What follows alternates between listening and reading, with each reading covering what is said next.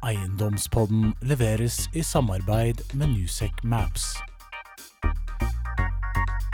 Da er det veldig hyggelig å ønske velkommen til en ny utgave av Eiendomspodden.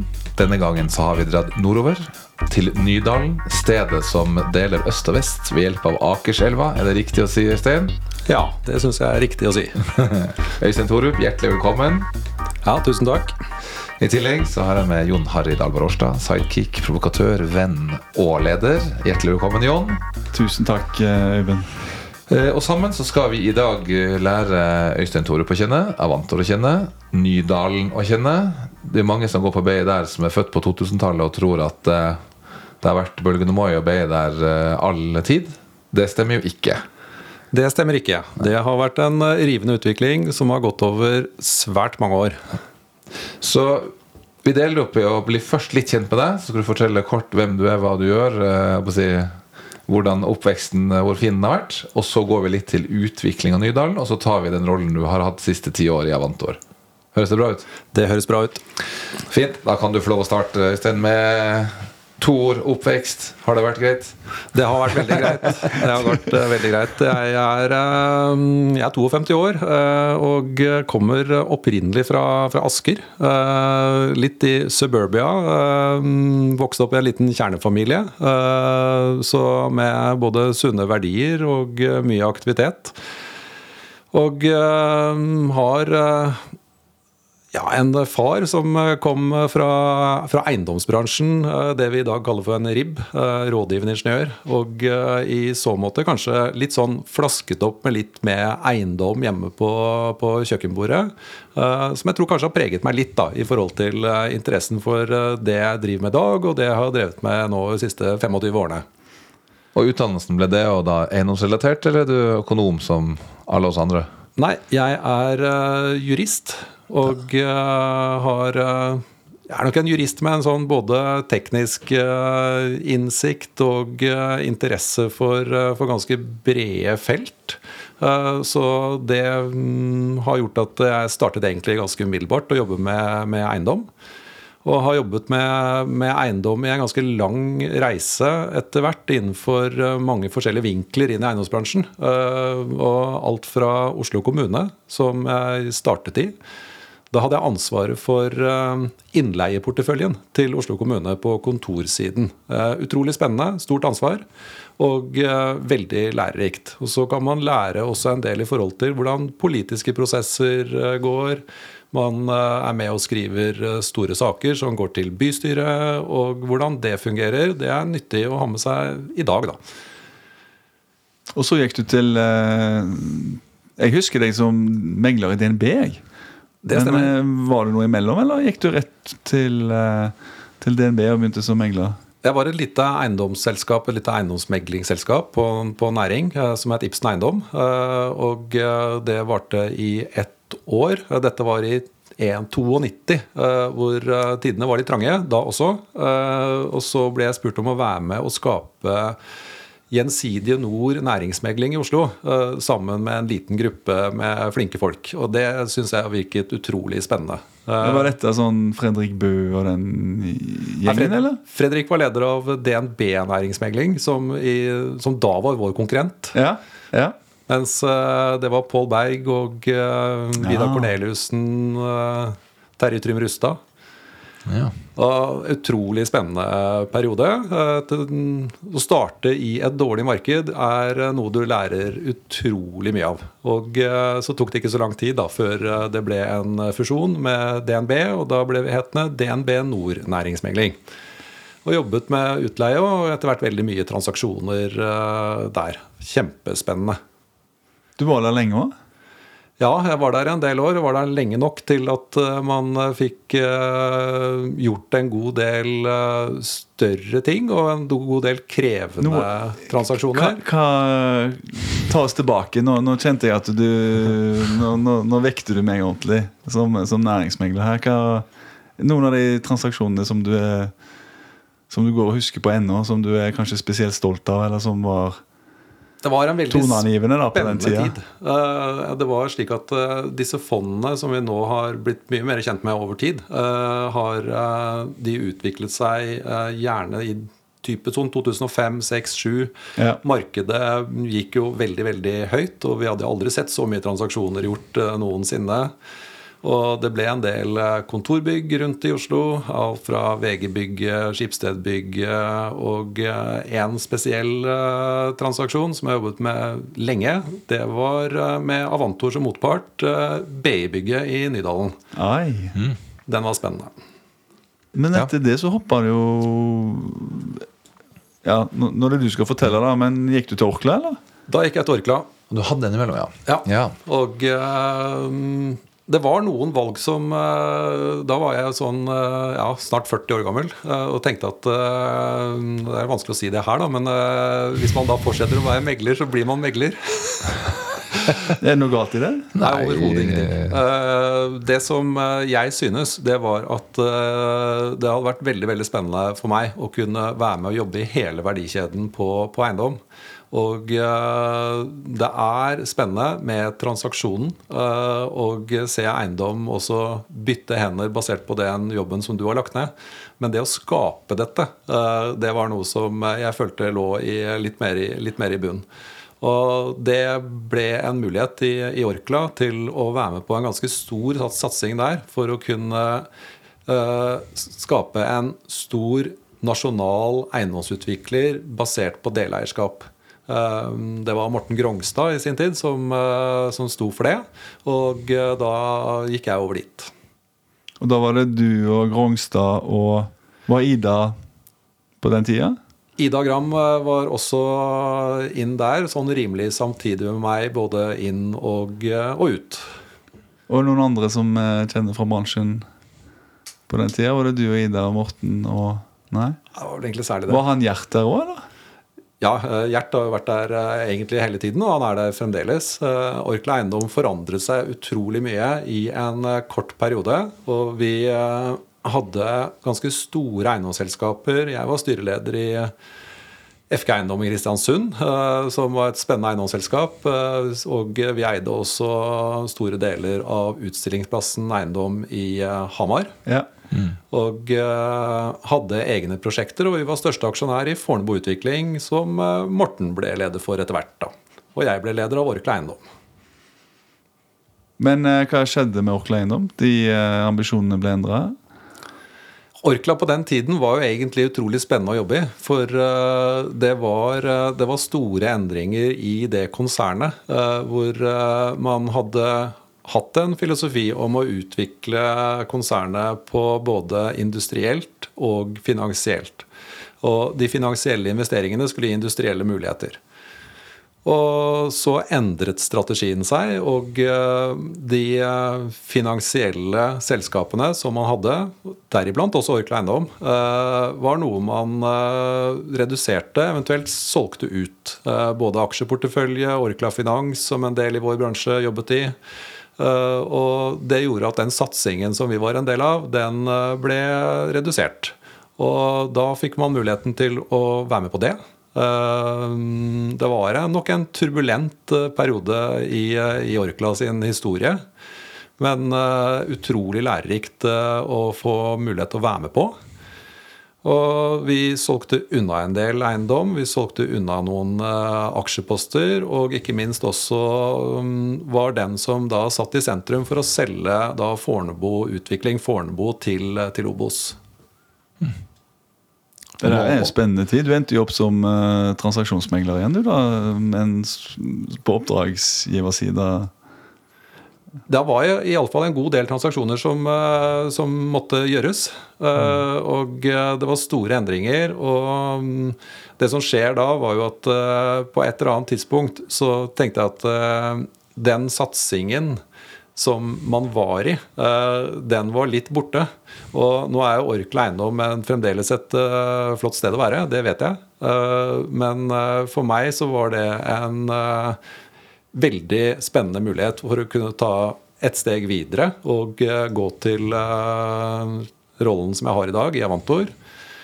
Men når man ser tilbake igjen, så tenker jeg også at eh, jeg kunne aldri tatt den jobben i Avantor hvis ikke det var fordi jeg hadde lært så mye i det man har møtt av både mennesker og oppgaver i både DNB og i Orkla. Og da snakker vi 2012. Ja. eh, 2012 så mm, startet jeg som leder av Avantor. Hvordan kom du inn i den rollen? Hva, hvordan skjer det?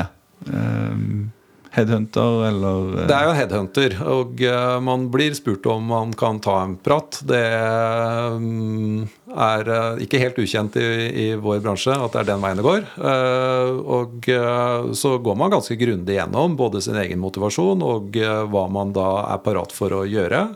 Eh, og man finner ut av det. Og sånn er det med enhver ansettelse. At eh, det er både arbeidsgiver og arbeidstaker som må finne den rette motivasjonen og den rette kjemien sammen. Og som leder av selskapet så er det jo styret som, eh, som ansetter. Og jeg kommer da inn som uh, ny leder i, i Avantor, uh, ansatt av, uh, av styret. Eh, 41 år gammel, og uh, jeg kjente i alle fall på en ganske stor porsjon av ydmykhet for å gå inn i den rollen. Det, det husker jeg, og det er noe som jeg tror er verdifullt å, å ha med seg og, og kjenne litt på. Og ikke bli for komfortabel. For det, de oppgavene som vi har som ledere, det er eh, store, viktige oppgaver som er store verdier, og veldig mange mennesker som er avhengig av deg og et godt samspill med deg. Så ydmyk til rollen, det vil jeg si det er jeg fremdeles. Og eierstrukturen på den tida. Og, og hvem, var, hvem var det som var leder av troppene? Det var Christian Joyce, som har vært i Avantor i en, eh, kan du si, en mannsalder. Eh, Er det litt sånn hoppe etter Wirkola-følelse du fikk, eller? Det spørsmålet har jeg fått før. Eh, nei, uh, jeg tenker ikke så mye på det. Du, må, du må på en måte fylle dine egne sko. Det er, det, er, det er viktig. Og du må gjøre opp din egen mening på hvordan du skal gjøre ting. Det er mange flinke folk i vår bransje som også andre kan ta over etter. Men det å forsøke å kopiere en annen, det tror jeg blir sjelden en god løsning. Du må tenke gjennom hva er det du kan gjøre for at du skal fylle den rollen best mulig. Kan ikke du fortelle litt da om Avantor? For de, de som ikke kjenner dere inngående. Så hvor stor? Hvem er dere? Er det ulike segment? Er det kun kontor? Avantor er et uh, privateid eiendomsselskap. Uh, vi, er, uh, vi liker å si at vi er ganske store, men vi er 41 ansatte. Og 41 ansatte er ikke noe stor bedrift. Vi, et, vi er et ganske tradisjonelt eiendomsselskap. Vi, vi liker å i alle fall si det. Vi har alle de viktigste funksjonene. Det gjør vi inhouse. Vi har både prosjekt og prosjektledelse med en egen avdeling for det. Eh, Vi har vår egen forvaltning, og som også er leder for en driftsavdeling. Og dette gjør at eh, vi har kontakt med våre kunder selv. Det er utrolig viktig. Vi tar vare på våre bygg selv. Og vi er en profesjonell eh, byggherre ved vår prosjektavdeling. Vi har en egen markedsavdeling som står for, eh, for utleie av eh, våre bygg, og den kontakten som våre kunder trenger med oss eh, hele, hele veien gjennom leieforholdet. Og vi har en økonomiavdeling som fører bøkene våre og har kontroll på vår økonomi. Som jeg liker å si, at hvis vi skal trykke på gasspedalen, så må vi ha kontroll. Eh, økonomiavdelingen er bud nummer én for å kunne gjøre det. og Derfor så er vi ganske tradisjonelle ved at vi har alle disse viktigste funksjonene i eget uh, selskap. Det er 41 stykker som utfører alle de rollene. Høres ut som en ganske lean og effektivt selskap. Ja, jeg tror vi er ganske effektive, og så er det en ganske flat struktur eh, i, i Avantor. Vi alle kjenner hverandre godt. Det er flinke folk. Og uh, vi er, vi er helt avhengig av å få hele dette teamet til å fungere godt sammen. Både på alt vi gjør med våre eiendommer og våre kunder og hele verdiskapningen vår. Eierne dine, Rasmussen-familien. Åssen er det å forholde seg til de? Vi har én eier, eh, og det er Rasmussen-gruppen. eh, Opprinnelig Kristiansand. Eh, Dette er ledet av tredje generasjon i Rasmussen-familien. Og det, er egentlig viktig for Avantor, et selskap som Avantor, å ha en eier som vi har. De er langsiktige. De har eid oss siden 2004. De har gått med kapital. Og eh, man er deltakende i den grad at eh, vi har et aktivt styre som eh, jeg forholder meg til. Og den langsiktigheten som uh, vår eier bidrar med, er svært viktig for oss. fordi det vi gjør, det er jo veldig lange baller når vi skal utvikle eiendom. Og uh, fra vi starter et prosjekt til det står ferdig, det tar mange år. Og så har vi et evighetsperspektiv på vår forvaltning av eiendom. Og det å ha en eier som, for, som forstår og er med på det, er, er utrolig viktig for oss. Men det, det du sier, det er dere utvikler og beholder eiendommen. Ja. Ja. Men dere selger jo Ja, jeg vil utfordre litt på det. Fordi eh, dere, dere Du sa evigheten her, nemlig. Men ja. Nei, men langsiktighet, eh, evig horisont Én eh, eh, eier, sterk kapitalbase. ja. Sett utenfra, uten den kjennskapen du har Jeg vil jo kaste ut en hypotese om at dere kunne fått mer ut av eierskapet hvis dere hadde beholdt og bygd opp en portefølje med, med eiendom. Og skapt en, eh, en ja, i større grad en monopolsituasjon der dere kontrollerte alle leietakerne og all eiendomsmasse og fikk inntektssynergier, kostnadssynergier, merkevaresynergier. Ja, eh, Dere har sikkert hatt den diskusjonen oppe, men, men hvorfor selger dere iblant? Det er det jeg skal fram til når dere strengt tatt eh, burde hatt balanse til å, å, gjøre det. Og jeg sett utenfra og vil påstå at det kanskje hadde vært smart det som er for, eh, for, vår del, at vi ser ikke på oss som en uh, trader av, eh, av eiendom. Uh, og det har jo vært lønnsomt i ganske mange år, inntil nylig, uh, å kjøpe og selge ganske mye. Vår vekst i Avantor den står, består i hovedsak av, av, utvikling. Og vi ønsker vekst i selskapet, og vi, vi gjør vår vekst gjennom utvikling av, av nye eiendommer. Og over tid da så har vi utviklet ganske mye. og selv om vi sier at vi ikke er så transaksjonsorientert, så ser jeg at vi har gjort ganske mange transaksjoner i løpet av, eh, av årene. Eh, noen eiendommer ser vi at ikke passer inn i den delen av porteføljen som vi mener vi skal være best på. Og eh, vi skal være best på å ha de beste kontorbyggene i Nydalen. Det har vi klart å utvikle nå ganske mye. Vi har en stor og god portefølje i, i Nydalen. Mens de eiendommene som da faller utenfor den eh, strategien, så har vi også solgt unna noen eiendommer. Og så har vi også gjort noen gode salg eh, i eh, godt marked, hvor man da kan realisere noen av de verdiene man har, man har skapt. Og så ønsker vi også da å kunne gjøre investeringer. Og i min tid i Avantor så har vi gjort også noen investeringer i, også i Nydalen. Og utviklet da eiendom som eh, vi har eid tidligere, som har vært på andres hender, som vi kommer tilbake igjen til oss, og du utvikler det videre til å bli blant våre beste bygg.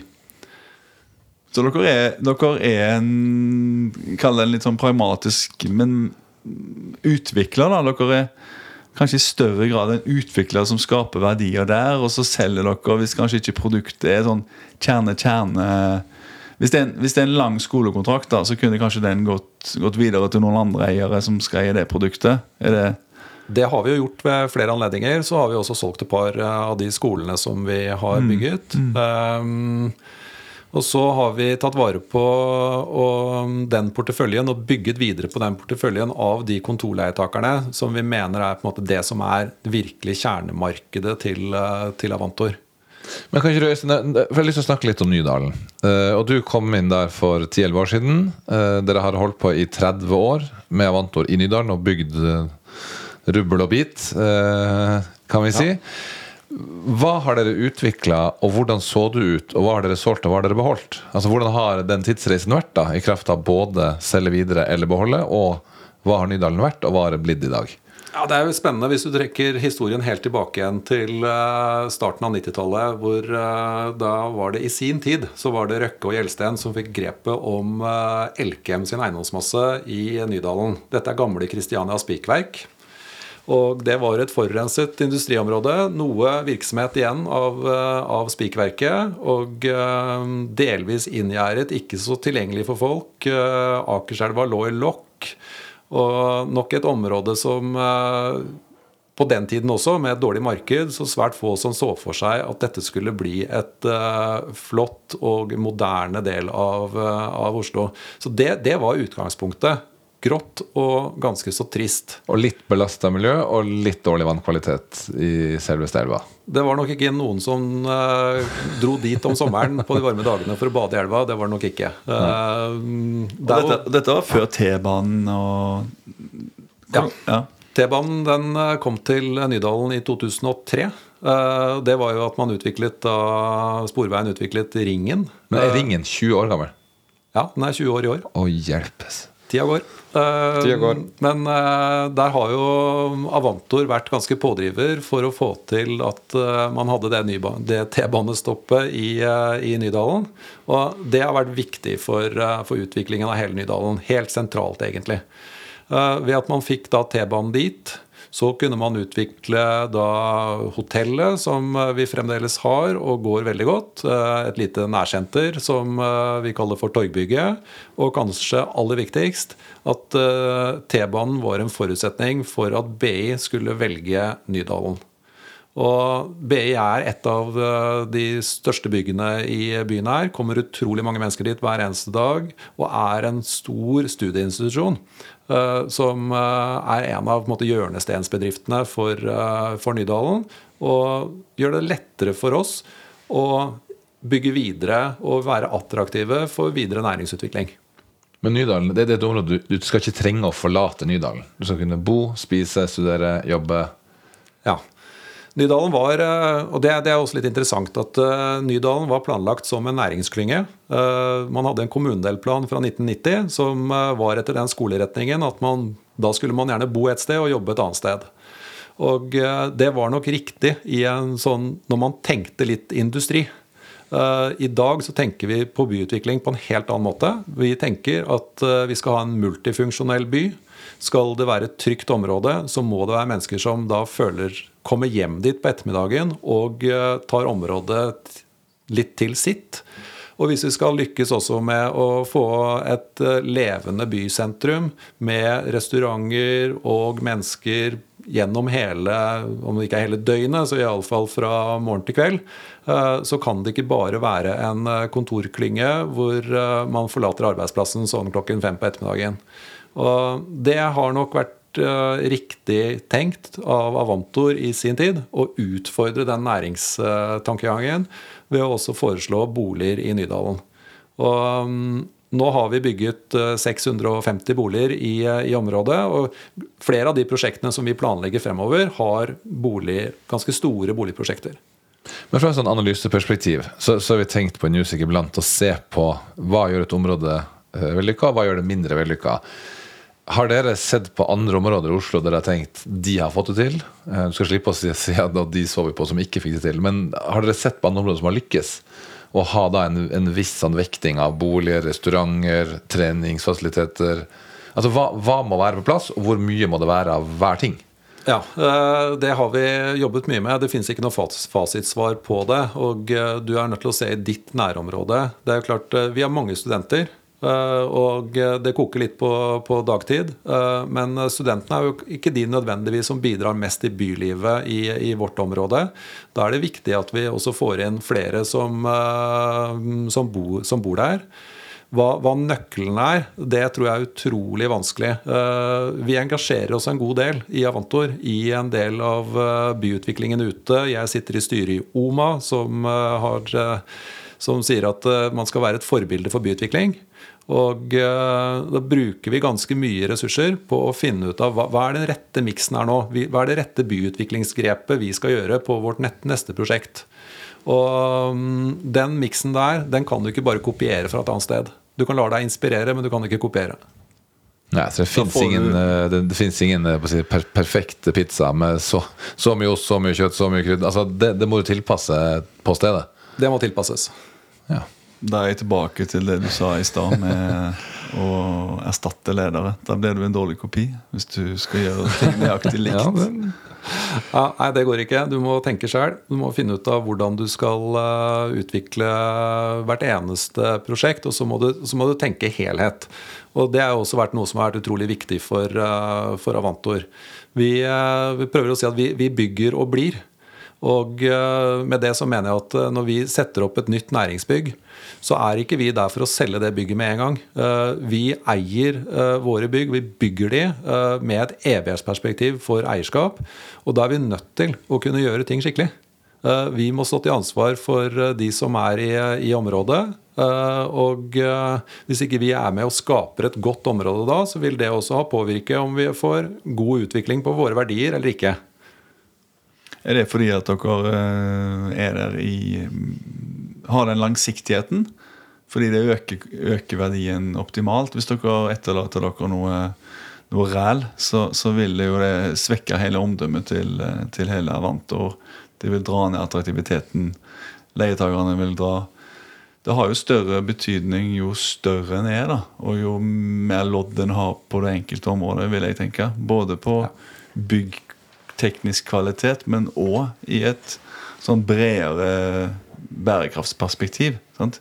Det, er jo, det er jo omdømmebygging som gir direkte kommersiell påvirkning, tenker jeg, når du er, når du er en stedsutvikler, sånn som, dere, sånn som dere har vært over lang tid. Ja. Så dere har Jeg har tro på at Det gir eh, kommersiell mening da å, å, å, å tenke den helheten i, i, i et godt sluttprodukt. Det gir absolutt kommersiell mening å eh, skape et område hvor folk trives. Og eh, når vi er i konkurranse om en bedrift som vi ønsker skal flytte til Nydalen, eller andre forsøker å trekke i andre retninger i byen, så er det jo klart det at attraktiviteten av å være i Nydalen, det har en betydning. Ja, Hva vinner dere på? Hva er dine eh, unique selling points, som det heter så, så fint?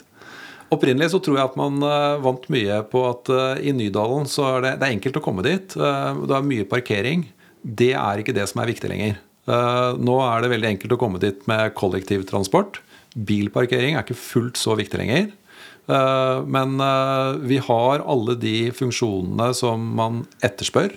Eh, vil si at du skal ha en del servicefunksjoner. Eh, Du må være et sted du kan spise lunsj og en kopp kaffe og slikt.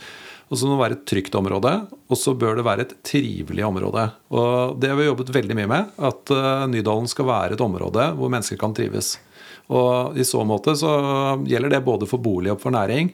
Og du skal være litt en nabolagsbygger. Eh, Det hjelper ikke bare å sette opp et eh, enkelt eh, kontorbygg som bygget i seg selv fungerer godt. Du må se det som er på utsiden av det bygget, og det som er mellom disse eiendommene dine. Det er vel så viktig for at man skal bli valgt. Kontorene i seg selv, det er vi gode på. Det vet jeg veldig mange andre er også gode på. Så konkurransefortrinnet vårt da er jo egentlig Nydalen. Men hva mangler Nydalen? Jeg så en liten digresjon. Jeg så at Hasle Løren gikk ut nå og sa at for første gang så har de takka nei til nye fotballspillere. Fordi at uh, det er ikke utvikla én fotballbane i området. Absurd utbygging kombinert med at eh, si, området rundt følger ikke etter. Ja. Hva Klarer Nydalen å på en måte løfte hele fjøla samtidig? Eller er det noe som blir skadelidende? Vi løfter jo ikke alt samtidig. Eh, Dette her er jo et løp hvor vi har holdt på med å utvikle eiendom i 30 år.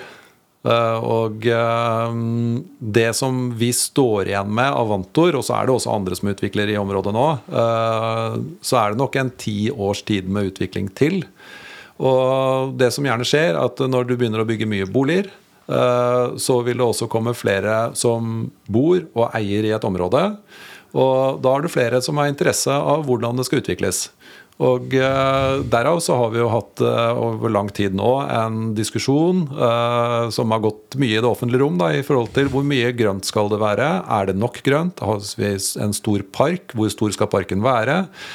Og eh, det er en diskusjon som jeg tror vi må ha stor respekt for. Eh, Og vi må også finne gode løsninger, slik at vi kan da harmonere de forskjellige interessene som finnes i byen, om å bygge flere boliger. Man trenger flere boliger i Oslo. Det blir regulert altfor tregt. Samtidig så må du gjøre det på riktig måte. Du er nødt til å ta hensyn til de kall det myke verdiene, og sørge for å få nok av de andre funksjonene, som grøntarealer og eh, torg, møteplasser etc., og få det til å harmonere. Noen ganger så kommer det litt på spissen. Eh, Det har vi vært borti hos oss i noen år nå. Og så tror jeg vi, vi lander dette på en god måte ved å kunne få til både boliger og eh, grøntarealer. Men hva bare, bare for, å, for at eh, både jeg og Øyvind og ja, Nå drar jeg deg meg i, i dragsuget. Men for at, for at vi skal liksom få litt få, få lært litt der rundt dette her. Hvordan, hvordan foregår her, denne diskusjonen? Fordi du har en har du, en, har du en rett til å bygge så, så mye areal, og så er det noen beboere og kommuner og politikere som henger seg på, og så sier de at nei, vent nå litt, du har rett til å bygge det, og det er kanskje satt deg i, i arealplanen, men vent nå litt. Eh, burde ikke vi heller lagt litt grønne arealer her? Eh, og så er det Det er jo en sånn det må jo være en sånn dragkamp òg, for du ser jo plutselig liksom hele kommersielle verdigrunnlaget bare renne ned Akerselva. sant? Og så ja. i neste øyeblikk så har du, så har du bygd eh, vertikal Nydalen. og, og det, det, er stor forskjell på om det blir grønt eller, eh, eller eh, kontorbygg. da ja, eh, Hvordan foregår den dynamikken? Nei, heldigvis er det ikke, det, er ikke så tilfeldig. Uh, vi har eh, både kommuneplan å forholde oss til, uh, og vi har også flere kommunedelplaner som man forholder, oss, for, forholder seg til. Og uh, da vet vi hvilke utnyttelsesgrader som man kan forvente i et område. Og eh, akkurat nå så er det jo en ny kommuneplan som man jobber med. Ja. Og uh, den er jo selvfølgelig interessant for alle som jobber med utvikling av eiendom.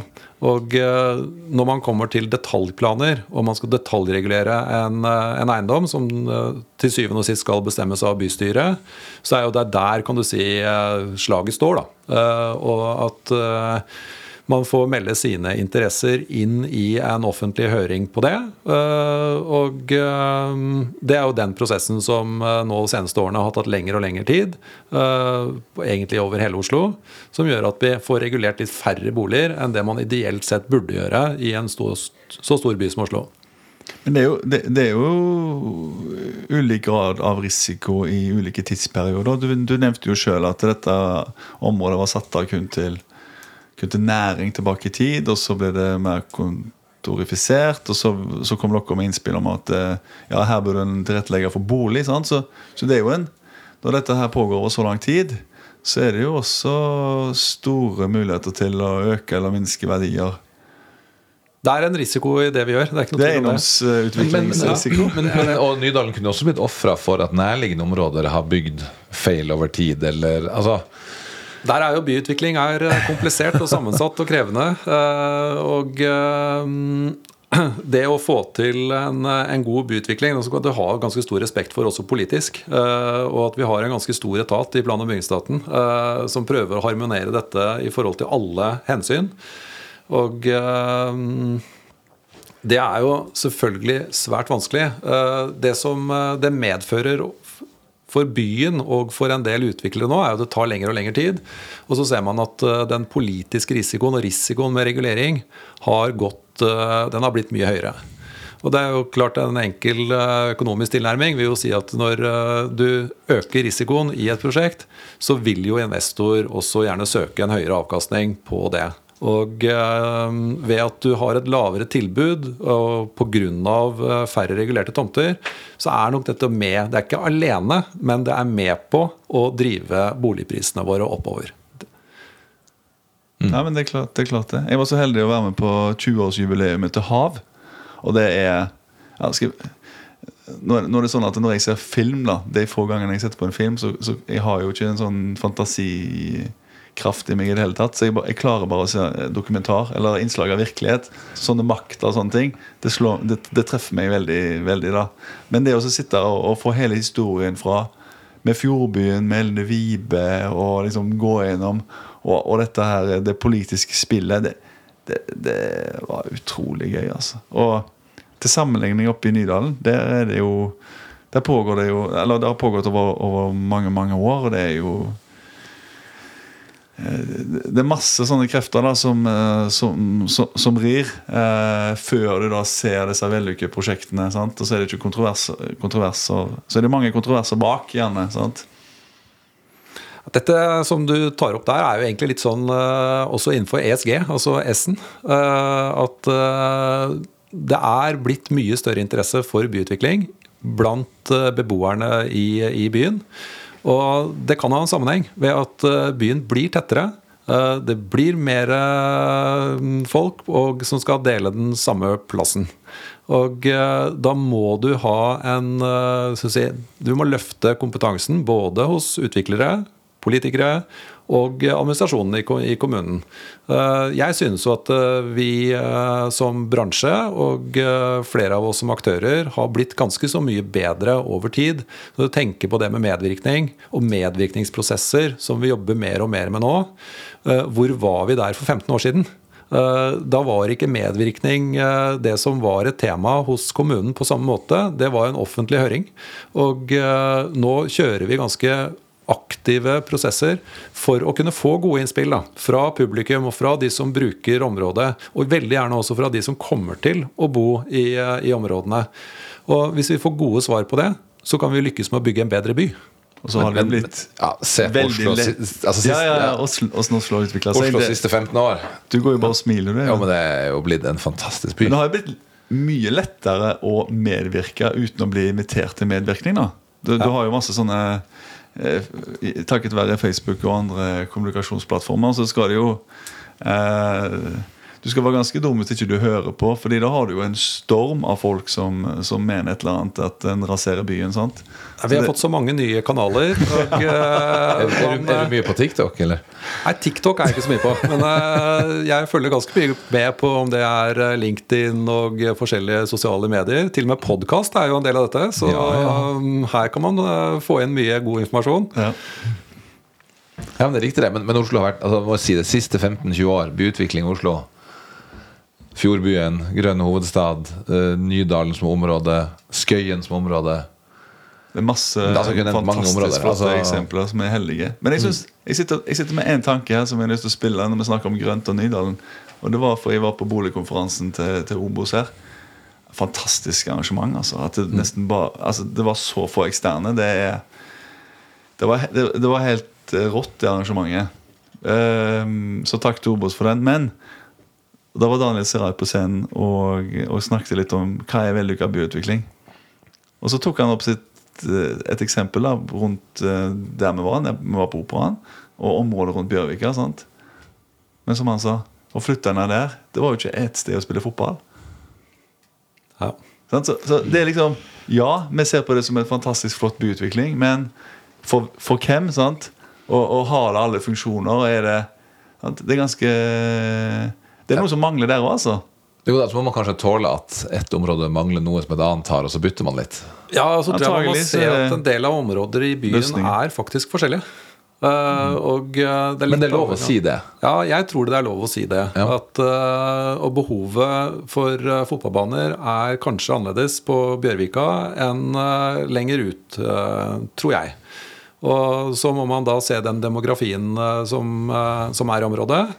Men man må også klare å se litt, litt gjennom det. For når man bygger mange boliger, så endrer man demografien. Og da må man stille spørsmålet hva er viktig for de som skal flytte inn også. Ikke bare de som bor der, men de som bor der pluss de som skal flytte inn. Hvordan er den sammensetningen der?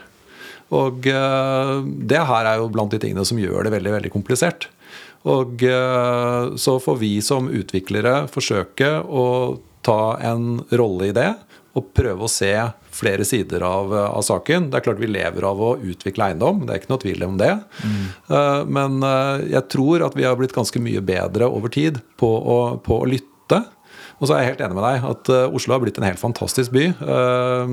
Både Nydalen, som, som vi har jobbet med, fra hva det var til hva det er i dag, er jo helt utrolig reise. Og se hva som har skjedd andre områder i Oslo. Jeg er stolt av å bo i denne byen her. Mm. Fantastisk. Og da jeg da ha litt respekt for hvordan vi skal utvikle denne byen videre. Mm. Vi skal over til Slemmestad og snakke litt om det. Men det er bare ett spørsmål som jeg ikke håper er vanskelig stilt. Men hvem er personen som bor i Nydalen? Oi, eh, Sånn rent demografisk så vet vi jo litt om det. Eh, Men eh, det er veldig mange yngre mennesker som, eh, som bor i Nydalen. Men det er også familier, og det er også eldre. Så det nytter ikke oss å peke på én gruppe, at det er de som bor i Nydalen. Men Du må ha fotballbane og bingo. Ja, men vi har fotballbane på Voldsløkka. Ja, ja, ja. Ganske svære. ja. Ja. ja mens du er dekt. Bingo er jeg litt usikker på. Du, du har bingo. Eh, Slemmestad, et annet område. Ja. Ja, et annet område. Ja, Hvordan finner du på å gå inn i Slemmestad? Hvor kommer den ideen fra?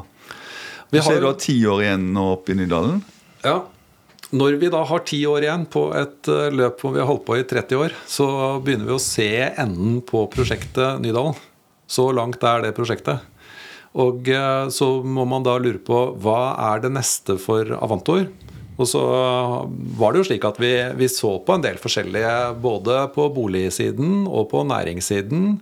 Og det finnes noen attraktive, spennende områder eh, i Oslo som vi så på. Og så så vi Slemmestad, som har så mange paralleller da, eh, i forhold til hva vi, har, eh, hva vi har gjort i Nydalen. Slemmestad er kan du si, sementens vugge i, i, Norge. 150 år tilbake der også så startet historien om sementproduksjon. Og nå er det er fremdeles noe anlegg igjen, men det er et industriområde. Vi tar ikke noe grønt i det hele tatt. Eh, for å utvikle det. Eh, vi snarere gjør det motsatte. At det som er grått, eh, skal bli en ny kystby på Slemmestad. Og der er det vi kaller prosjektet vårt, er Kystbyen Skjemmestad. Med en ambisjon om over 1300 boliger, kommunale funksjoner og nye arbeidsplasser. Og så har vi også vært med på å jobbe fram eh, elektrifisering av hurtigbåten som eh, går til Slemmestad fra Oslo. Eh, begynner til neste år. Går på strøm. Gjør 30 knop over fjorden. Så du kan komme deg inn til arbeidsmarkedet i Oslo på 30 minutter. Hvor, hvor bevisst er det, i lys av at du skal bygge en destinasjon? Altså det, for å spørre på en annen måte da, Det hadde vært jækla dumt da, at det siste du tilbyr, er en sånn elektrifisert båt som endelig Da har jo alle de som bor der ute, før fått den verdiskapningen gratis. Jeg vil jo si at det er smart å gjøre det. Det er helt bevisst.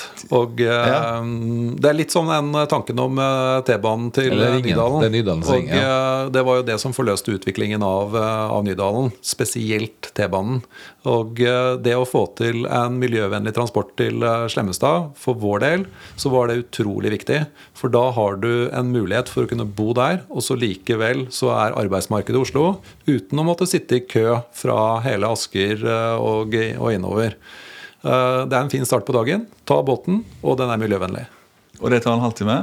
Det tar en halvtime. Og den subsidierer da Slemmestad Utvikling?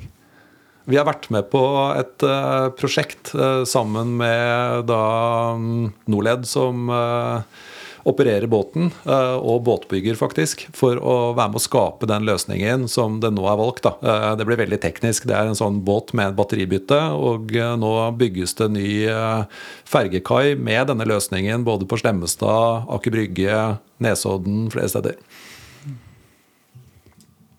Jeg har lyst til å spørre, Du nevner miljø flere ganger. Ja. Tenkte jeg skulle ta ordet nå. Hva, hvilket fokus har dere på SG, og hvordan tror du det endrer markedet?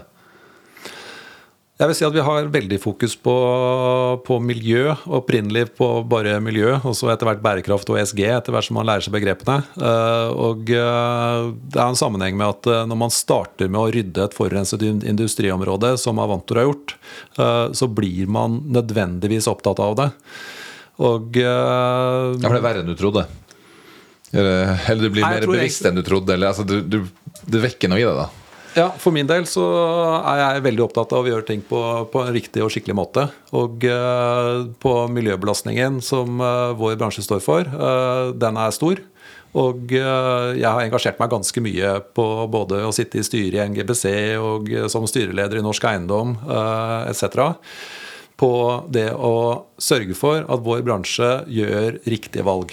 Eh, den som er bestilleren, som du kan si er øverst næringskjeden, det er jo gjerne eiendomsselskapene. Og eh, hvis ikke vi gjør de riktige bestillingene, så har det noe å si for hele verdikjeden nedover. Og eh, Sånn sett så er vi bevisste i Avantor, men så tror jeg også det er en lønnsomhet å tenke riktig. Når jeg sier at vi har et evighetsperspektiv på å eie våre eiendommer, så må vi sørge for noe som å eie og bygge noe som står seg over tid. Og mm. det har vi klart. Og der er det et miljøhensyn som ligger i bunn. Men uh, det harmonerer jo med vår økonomiske interesse.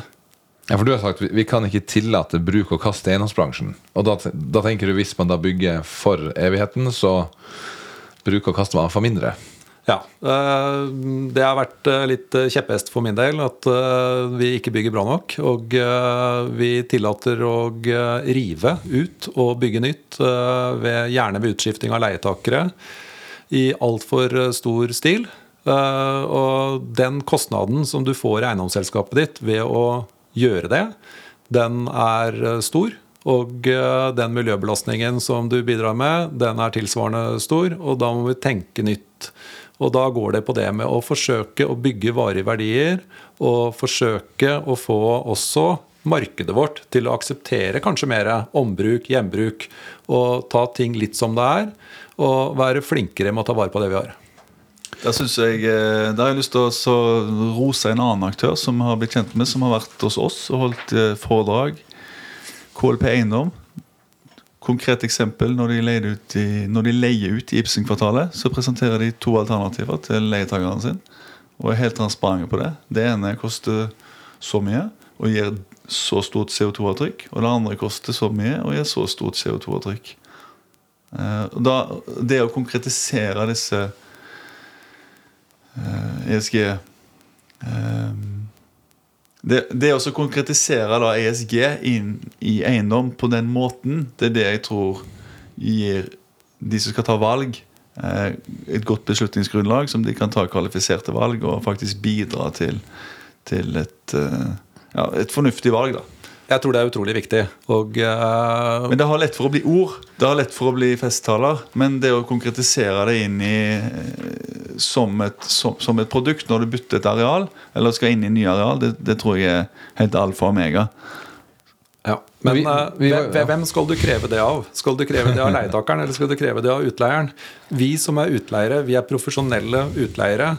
Og leietakeren han er jo egentlig innom i det markedet hvert femte år eller hvert tiende år. Og sånn sett så ikke har den kompetansen. Så den som skal drive den utviklingen der, det er opp til eiendomsbransjen selv. Ja, du har, helt- du har helt rett i det. Hvor er myndighetene oppi det her? Det spørsmålet har vi stilt uh, 17 eiendomspodder på rad. Uh, og vi, uh, for Det er interessant at du svarer at det, at det er du som skal ta ansvaret. Ja, eh, det som Og er det er jeg enig i, men det kunne vært et push fra det offentlige òg. Ja, Det som er litt interessant i eiendomsbransjen, er jo at eiendomsbransjen har gått litt foran. Eh, vi har eh, egentlig skapt dette med mm, eh, NGBC, altså Bream-sertifisering av, av eiendom. Og det har jeg vært med på og også sittet i styret der. Men jeg tror over tid så blir det mer og mer regler som kommer. Og vi får alle direktiver som kommer fra EU. Og når vi nå ikke bare snakker om én, og vi snakker mer og mer om S-en i ESG, så vil vi over tid jobbe oss mer for å være compliant til et ganske komplekst regelverk og i forhold til rapportering etc. Uh, mens uh, den perioden hvor vi har vært gjennom nå, så har jo aktørene selv vært pådriver for å bygge mer hvis du sier miljøvennlig. da. Uh, Men nå tror jeg myndighetene kommer mer og mer på banen. Men Du er inne på det som eh, innkjøpsmakten til, eh, til eh, kommunal og statlig sektor, Even. At de burde satt større krav til seg selv. Eh, Jeg syns det, er beundringsverdig at, at Vantor og, og andre selskaper har tatt det ansvaret, ja. Men jeg savner vel kanskje en tydelig offentlig stemme. Men Ja. eh, Ja, vi har vel både hatt et byråd, og jeg tror vi også har et byråd nå, da, som eh, går ganske langt på banen i forhold til å tenke miljø og bærekraft. Og mm, Vi var jo miljøhovedstad i 2019. Eh, Det har tatt store ambisjoner på vegne av eh, hovedstaden. Og det er mye av de grepene som har blitt gjort i Oslo, som jeg tror at Oslo blir faktisk en bedre by å bo i. Og eh, så jeg vil si at Myndighetene de er absolutt med, men eh, vi har et løp hvor eh, aktørene, bedriftene, også ønsker å, å være med og faktisk har satt en del retning. Ta Grønn byggallianse, skapt av eiendomsbransjen for 20 år tilbake. Har vært en utrolig viktig aktør i forhold til hvordan vi skal tenke. Og da klarer du å få en hel bransje til å gjøre de riktige grepene, til å tenke mer likt. Og det mm, har vært fantastisk viktig for den kompetansen som nå finnes i eiendomsbransjen. Det er Norsk Eiendom og GBA, da, som vi kaller det, har eh, vært med på å løfte oss, og det har vært viktig. Og de årene som kommer nå, så tror jeg det blir tøffere. Eh, jeg tenker at eh, Avantor, vi er godt forberedt til de kravene som blir stilt av oss fremover. Og da blir det vanskeligere å ikke kan du si, gjøre de riktige tingene. Og Det kan være en fordel for de gode selskapene, for da blir miljø også et konkurran- konkurransefortrinn for dem. Men for å være litt konkret. Vi har jo vært på befaring eh, i det fantastiske bygget ditt Vertikal i Nydalen. Ja. Hvor du kunne vise både 1 og 2 og 3 og 4 og 5 grep dere hadde gjort med tanke på miljø, bærekraft, ESG. Vil du ta kjapt sånn, de viktigste tingene dere har lært og oppnådd med å dra det bygget i retning av å være et miljøfyrtårn, eller hva man skal kalle det? Ja, altså Ambisjonen med det bygget det har vært å skape noe som er varig med en gang. Og eh, Der var vi og så på et bygg i Østerrike i sin tid eh, som het 2226. Det hadde ikke noe ventilasjon, eh, ikke noe ventilasjonsanlegg eller eh, oppvarming eller kjøling. Jeg ble fascinert over det bygget, eh, for det var et fantastisk fint kontorbygg. Eh, Hadde eh, høy kvalitet. Og det var ingenting der som trengte å rives ut om 20 år når du skal bytte en leietaker. Da var ambisjonen å se er det mulig å få til noe tilsvarende i Norge. Eh, Da så vi at eh, vi er nødt til i Norge med vårt klima å kunne ha oppvarming. Vi må ha kjøling, men vi kan gjøre ting på en annen måte enn det vi tradisjonelt har gjort. Og Derfor har vi valgt da naturlig klimatisering, et eget forskningsprosjekt på det, på vårt bygg. eh, Som gjør at vi ikke har dette tradisjonelle ventilasjonsanlegget. Og vi har bygget gode kontorlokaler med svært høy takhøyde, som gjør at det er et godt rom å jobbe i. Mm. Det er ikke den surringen fra ventilasjonsanlegget som er over hodet på deg. eh, Og vi får frisk luft inn i, inn i lokalene, men likevel klarer å opprettholde en god temperatur. Og da har vi lykkes med å skape et godt kontormiljø på den best mulig bærekraftig måte. Det er spennende. Det er klart, Dette er mye innovasjon, og der ønsker vi å gå litt foran. Og så Og, og mye penger, eller? Ja, det koster penger å utvikle. jeg bare fortsetter. Ja. Nei, vi har skapt et fantastisk kontorbygg. eh, Og eh, det jeg tror at vi vil ta med oss deler av eh, de erfaringene som vi har der, videre i forhold til hva vi skal planlegge på neste. Og så er jeg veldig opptatt av å dele informasjon. Så vi inviterer alle som har lyst, om det er konkurrenter eller andre fagområder, til å komme til oss og så se hva er det vi har gjort her. Og så kan vi prøve å trekke det beste ut av hverandre. Og hvis du skal nå noen klimamål, da, som myndighetene våre har sagt, til 2030, da har vi dårlig tid.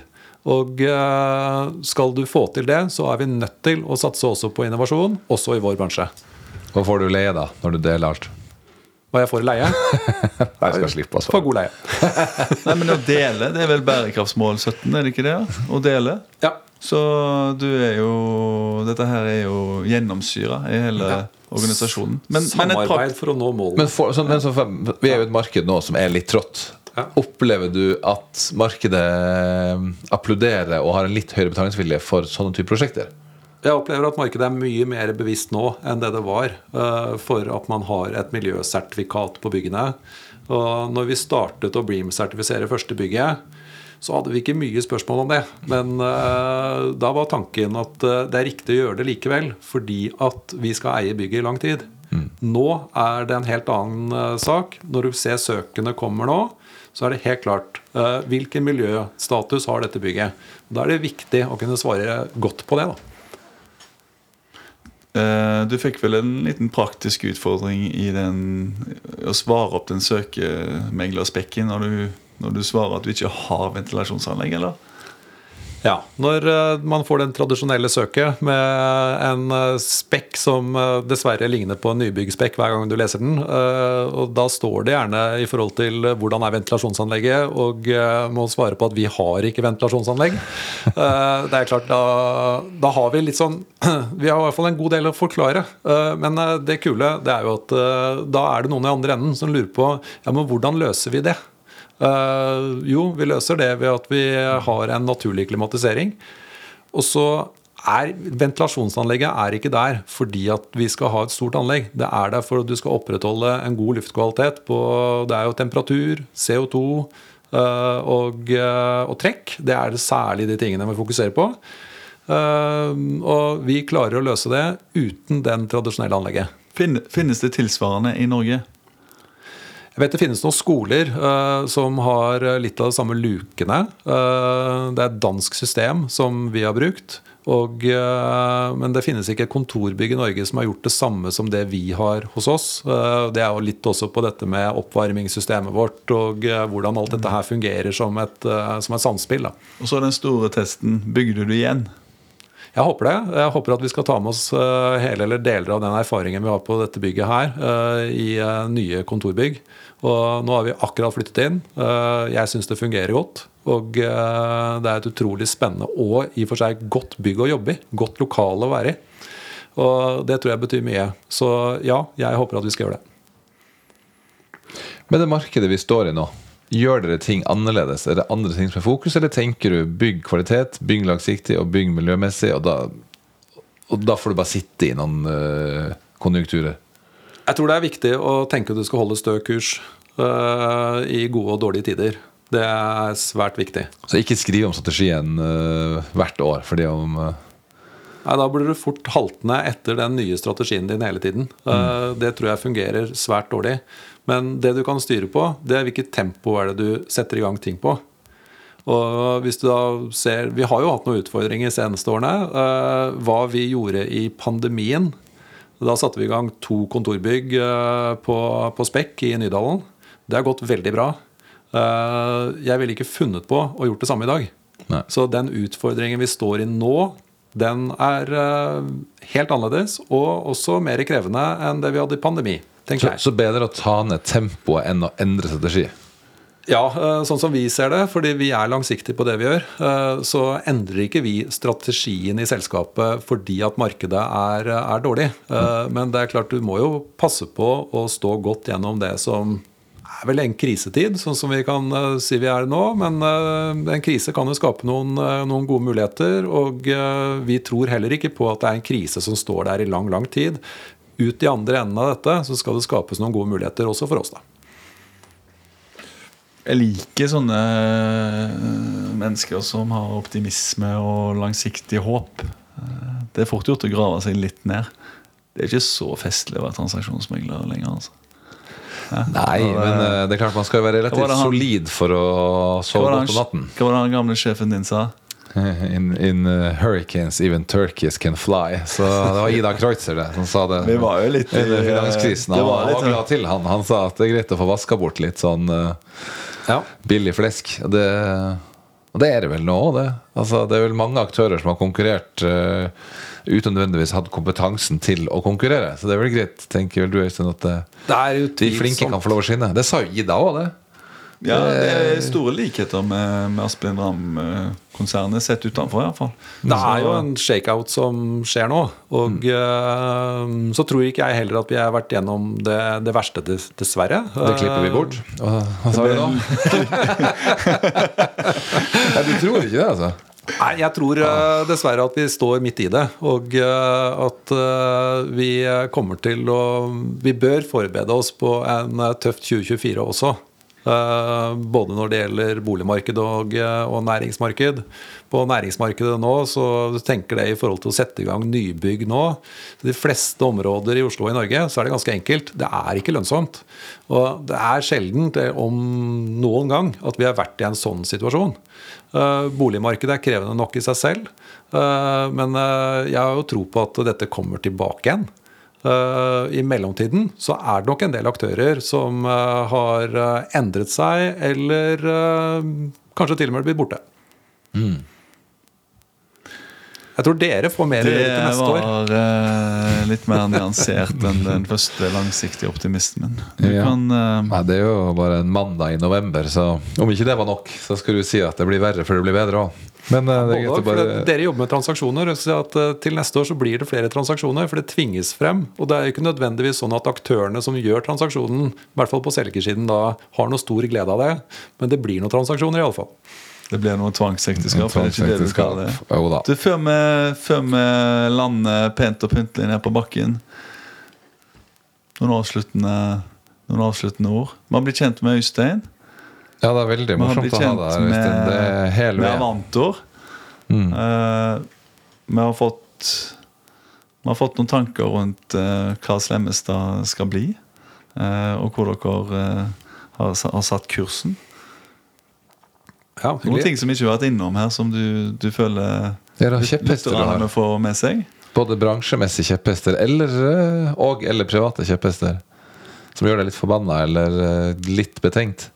Som får deg til å skrive i det kommentarfeltet på Facebook. Jeg holder meg litt unna kommentarfeltene på Facebook. Det, det, det gjør jeg faktisk. Jeg syns ikke det er stedet for, uh, for byutviklingen, egentlig. Jeg er eh, en del på LinkedIn og Ja.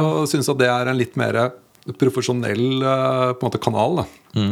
Og eh, der er jeg nok en del mer synlig. eh, og prøver å få fram litt av det budskapet som, eh, som vi har. Da. Eh, Du har høy grad av disiplin. Jeg vet ikke om det har kommet fram godt nok, men når vi kommer opp til Øystein, da, da, da forteller han hva han har gjort den, den morgenen i Frognerparken klokka sju. Når det er ti minus ute, Eivind. Frister det? Og det er ikke bare noe som skjedde i går. Det er vel noe du holder på med i, i mange år. Så det er en høy grad av eh, disiplin her òg. Ja, Disiplin i hvert fall. Jeg må, jeg må bevege på meg. Eh, Det er viktig. Og vi er en liten gruppe med noen kompiser fra bransjen som møtes i Frognerparken på tirsdager klokken sju. Det har vi gjort i mange år. Eh, Det er utrolig hyggelig eh, for trening. Litt surt i november-desember, men da kan man glede seg over at det blir lysere tider. Og da blir det varmt og fint. og... det er det, det er det jeg egentlig tenker på i dag tidlig. At dette var jævlig kaldt, men Det kan bare bli bedre. det kan bli bedre. Nei, men så bra. Det bygger, det bygger jo karakter, da. Ja, det gjør jo det. Nei, men Skikkelighet det er jo noe jeg tenker på etter å ha vært sammen med deg noen timer da Det er, ikke, det er ikke mye slinger i valsen, er det det? Nei, eh, så det er jo det man prøver å holde en stø kurs, da. Det, det er viktig. Spesielt nå. Ja, spesielt nå er det viktig. Ja. Stø kurs mot mål. Så bra. Du, Da gjenstår det egentlig bare å ønske deg en fortsatt eh, god høst og en god jul når den tid kommer. Eh, Sola den snur om tre uker, det gleder jeg meg til. Eh, Så håper vi at markedet henter seg inn. Men det du sier er at markedet er turbulent, det kommer til å fortsette, men bare stick to the plan. Eventuelt Ja. dra ned farten litt. Så kommer vi gjennom det her òg. Ja, jeg tror ikke du trenger å skalke lukene helt, men uh, man uh, må passe på. Og uh, også på transaksjonssiden, det kommer tilbake. Bare si nå at det her kommer til å gå bra, folkens. Avslutt med det. Dette kommer til å gå veldig bra, det er jeg helt overbevist om. See you on the other side. Takk skal du ha. Tusen takk, Øystein. Og takk til lyttere. Og vi er tilbake med nye gjester og nye tema om ikke altfor lenge. God jul og god høst.